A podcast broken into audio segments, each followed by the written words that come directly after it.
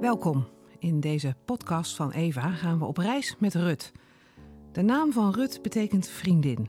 En in haar karakter, geloof en levensmoed kan ze gezien worden als een voorbeeld voor ons. Rut ging op reis en ontmoette haar God.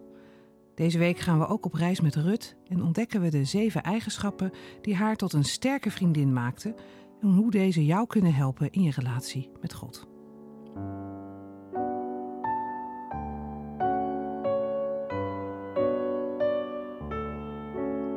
Dag 1. Karakteristiek. Beginnen de overdenking met een bewust moment van stilte. Probeer je gedachten stop te zetten en richt je aandacht op God. Neem tijd om Hem te begroeten. Vraag aan God of Hij jou nieuwe inzichten wil geven door het verhaal van Rut.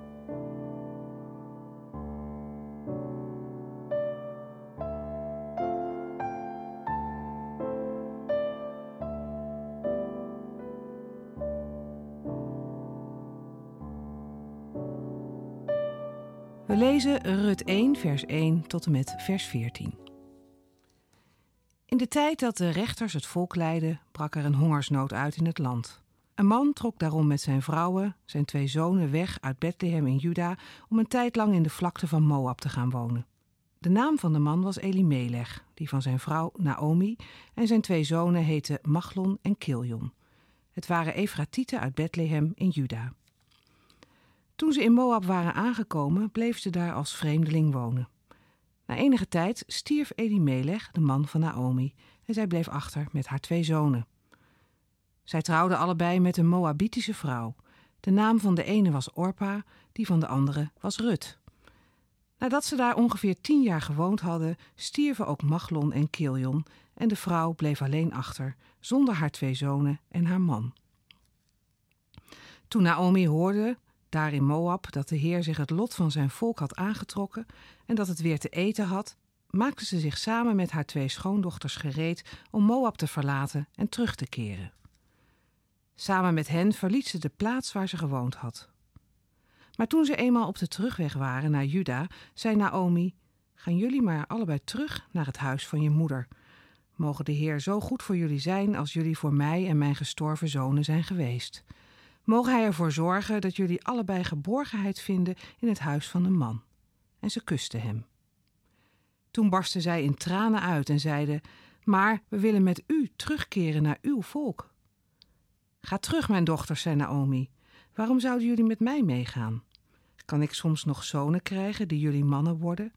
Ga toch terug, want ik ben te oud voor een man. Zelfs al zou ik nog hoop koesteren, zelfs al sliep ik vannacht nog met een man en al bracht ik nog zonen ter wereld, zouden jullie dan wachten tot ze groot zijn en je ervan laten weerhouden met een andere man te trouwen?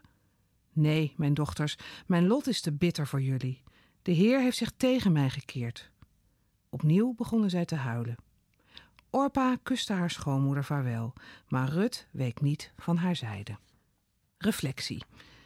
In Rut 1, vers 5 staat: Nadat ze daar ongeveer tien jaar gewoond hadden, stierven ook Machlon en Kiljon en de vrouw bleef alleen achter, zonder haar twee zonen en haar man. Rut krijgt hier te maken met bizar veel ongeluk dat haar en haar familie treft. Drie vrouwen blijven over, verbonden met elkaar door hun familieband en onheil. Hun namen hebben ieder een eigen betekenis. Naomi betekent liefdevol en aangenaam. Orpa betekent weerbarstig, nek en zij die zich afwendt. En Rut betekent vriendschap of vriendin. En net zo goed hebben deze vrouwen alle drie een geheel eigen karakter. Op wat voor manier zullen jouw vriendinnen je karakter omschrijven? En hoe zouden ze dat doen als alles tegenzit? Orpa wendt zich af en kijkt de rest als het ware met de nek aan. Ben jij ooit met de nek aangekeken? Met wie heb jij samen onheil beleefd? Wees even stil en breng je gedachten bij God.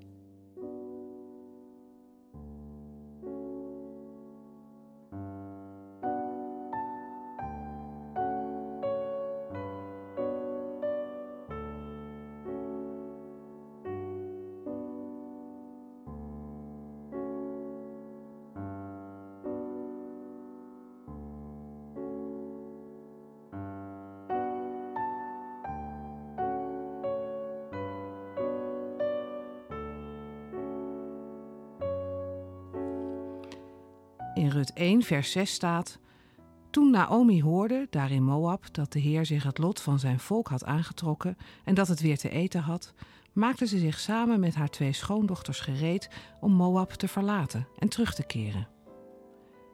Naomi neemt een besluit en staat op. Zij wil Moab achterlaten. Moab was de plek waar zij haar heil had gezocht ten tijde van de hongersnood, maar nu hoort ze dat in Bethlehem voor het volk is gezorgd. Door God. Gedesillusioneerd draait ze zich om naar de werkelijke realiteit met God. Heb jij ooit een desillusie meegemaakt? Waarin heb jij je ooit bewust omgedraaid naar God toe? Kun je merken dat God naar jou omziet? Kun je een voorbeeld noemen? Wees even stil en breng je gedachten bij God.